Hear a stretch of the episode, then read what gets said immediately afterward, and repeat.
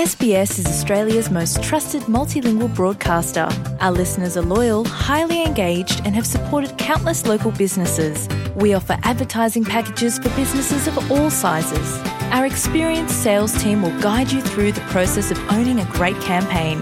Bring your own ad or have our production team make you something in one of our 68 languages. Start the conversation with your new audience today. Email sales at sbs.com.au.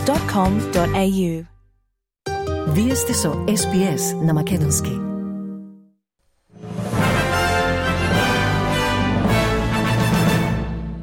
Поранешната соработничка на либералите Британи Хигинс пред судот во Камбера изјави дека се чувствувала заробена и нечовечно за време на нејзиното наводно силување во парламентот. Низиниот поранешен колега Бру, Брус Лерман се изјасни за невин за сексуалниот напад врз господја Хигинс во канцеларијата на тогашната министерка за одбран, одбрамбена индустрија Линда Рейнолс во 2019 година. Господја Хигинс пред судот изјави дека се чувствувала заробена и нечовечно и вели дека кога завршило, имало чуден момент на контакт со очите пред тој да замине. Адвокатот на одбраната предходно му кажа на судот дека има намера да докаже, цитирам, недоследности и дупки, затворен цитат, во верзијата на настаните на господја Хигинс. Ако оваа приказна предизвика загриженост, поддршката е достапна на 1800 респект на 1800 737 732. Ослободувањето на мажот обвинет за закани кон джамија во Бризбен предизвика расправа меѓу муслиманската заедница во Австралија. 30 годишникот ќе се соочи со судот на крајот од месецот, откако на джамијата е испратил заканувачка порака оставена на телефонска секретарка во која ветил дека ќе убие муслимани и ќе запали зградата. Тој беше обвинет по една точка за користење телефон за да се закани, малтертира или да предизвика навреди.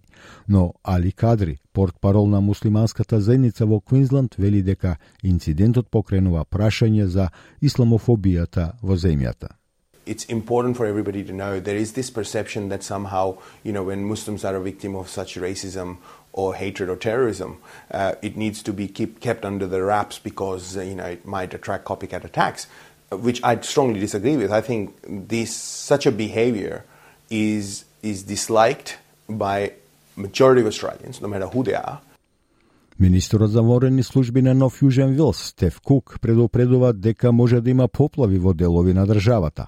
Вкупно три влажни брана ќе донесат врнежи во поголеми области на Источна Австралија оваа недела, а во внатрешноста на Нов Јужен Вилс веќе има значителни врнежи од дожд. Министерот Кук вели дека врнежите го, го зголемуваат ризикот од поплави. Our catchments are completely saturated.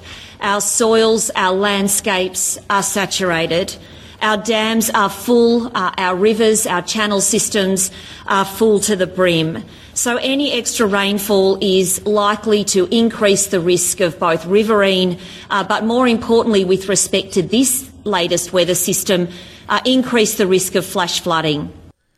Делови од западниот дел на Нов Јужен Вил се подготвуваат за посериозни временски услови како резултат на пороните дождови и грамотевици низ внатрешноста. Повеќе од десетина реки се изложени на опасност од поплави бидејќи влажните облаци се на централен Нов Јужен Велс.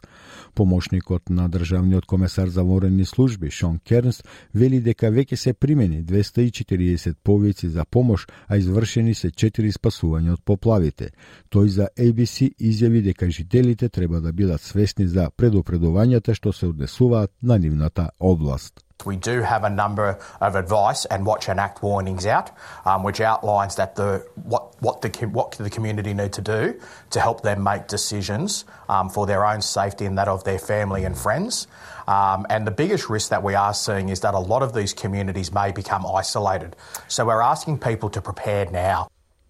44 европски лидери денеска во Прага седнуваат на заедничка маса на првиот состанок на Европската политичка заедница, кој ќе биде посветен на енергетско-економската криза на целиот континент и можноста да се намали енергетската зависност од Русија. Покрај 27-те земји членки на состанокот се поканети уште 17 држави, меѓу кои и Македонија, а делегацијата ќе ја предводи премиерот Димитар Ковачевски.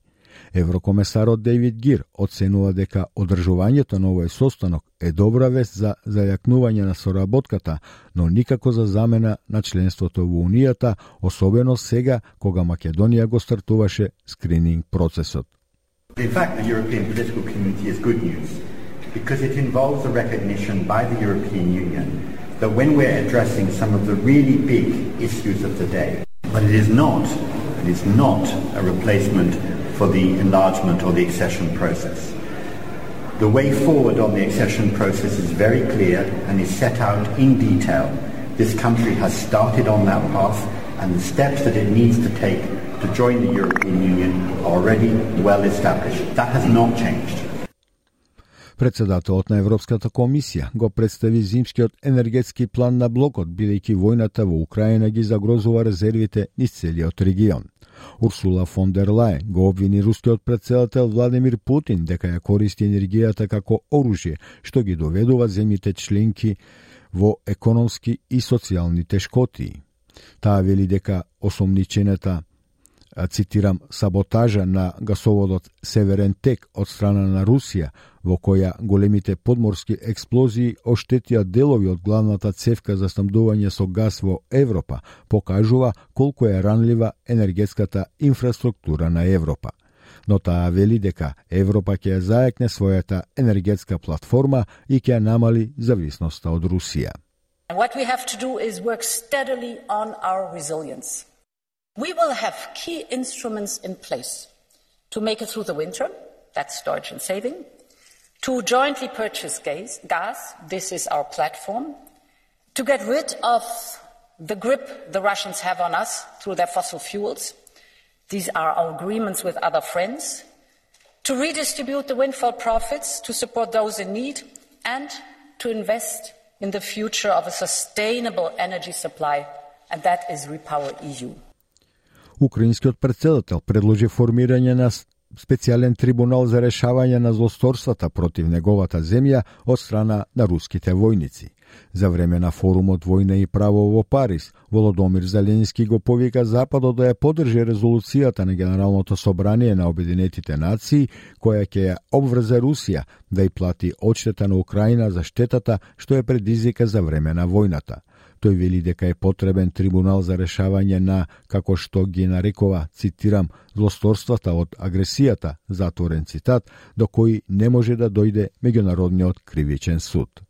Коли ми укладемо договір і створимо спецтрибунал щодо When we conclude an agreement and establish a special tribunal for Russian aggression, the very fact of preparing indictments and issuing arrest warrants for those who planned and ordered the beginning of this aggression will be the most powerful signal to all other potential aggressors in the world that war is inevitably punished, and the guilty are held accountable, that the law is always valid and the law always prevails, and humanity is guaranteed to be protected.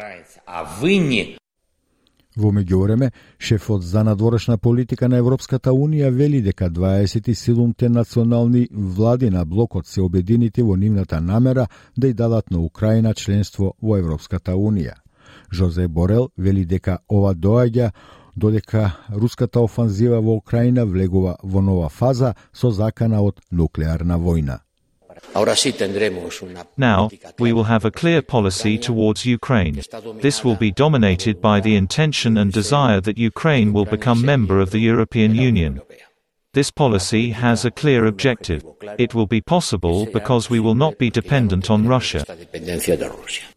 А земјите производители на нафта одлучија нагло да го намалат производството, потек што може да и нанесе нов удар на глобалната економија. Организацијата на земјите извознички на нафта и низините сојузници познати како ОПЕК Плюс ќе го намалат производството за 2 милиони барели дневно од ноември по првиот состанок лице в лице на Алијансата по пандемијата со COVID-19. Групата рече дека одлуката е заснована на независноста што ги обкружува изгледите на глобалната економија и на нафтениот пазар. Саудискиот министер за енергија Абдул Азиз бин Салман вели дека улогата на картелот е чувар на стабилните енергетски пазари, негирајќи дека одлуката би можела да и помогне на Русија, членка на Алијансата на ОПЕК, да ја надмине предстојната европска забрана за поголемиот дел од нафта од Москва. We wanted to give the market a guidance. But that guidance could change relevant to the situation that may prevail. But as it is today, we feel much more assured that we should give that comfort to the market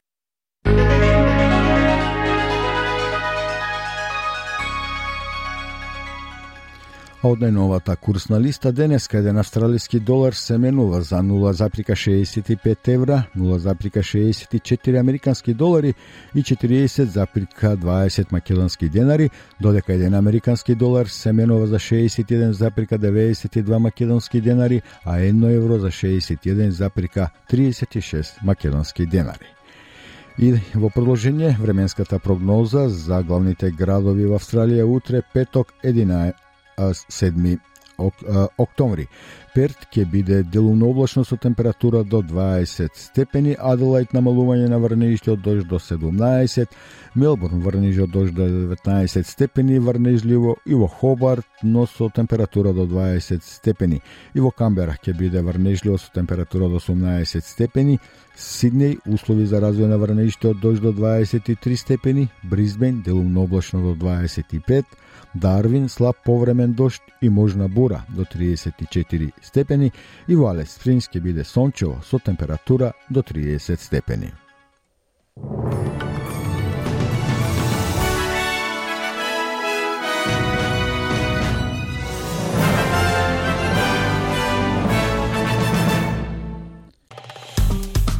Стиснете, ми се допаѓа, споделете, коментирайте. Следете ја SPS на Македонски на Facebook.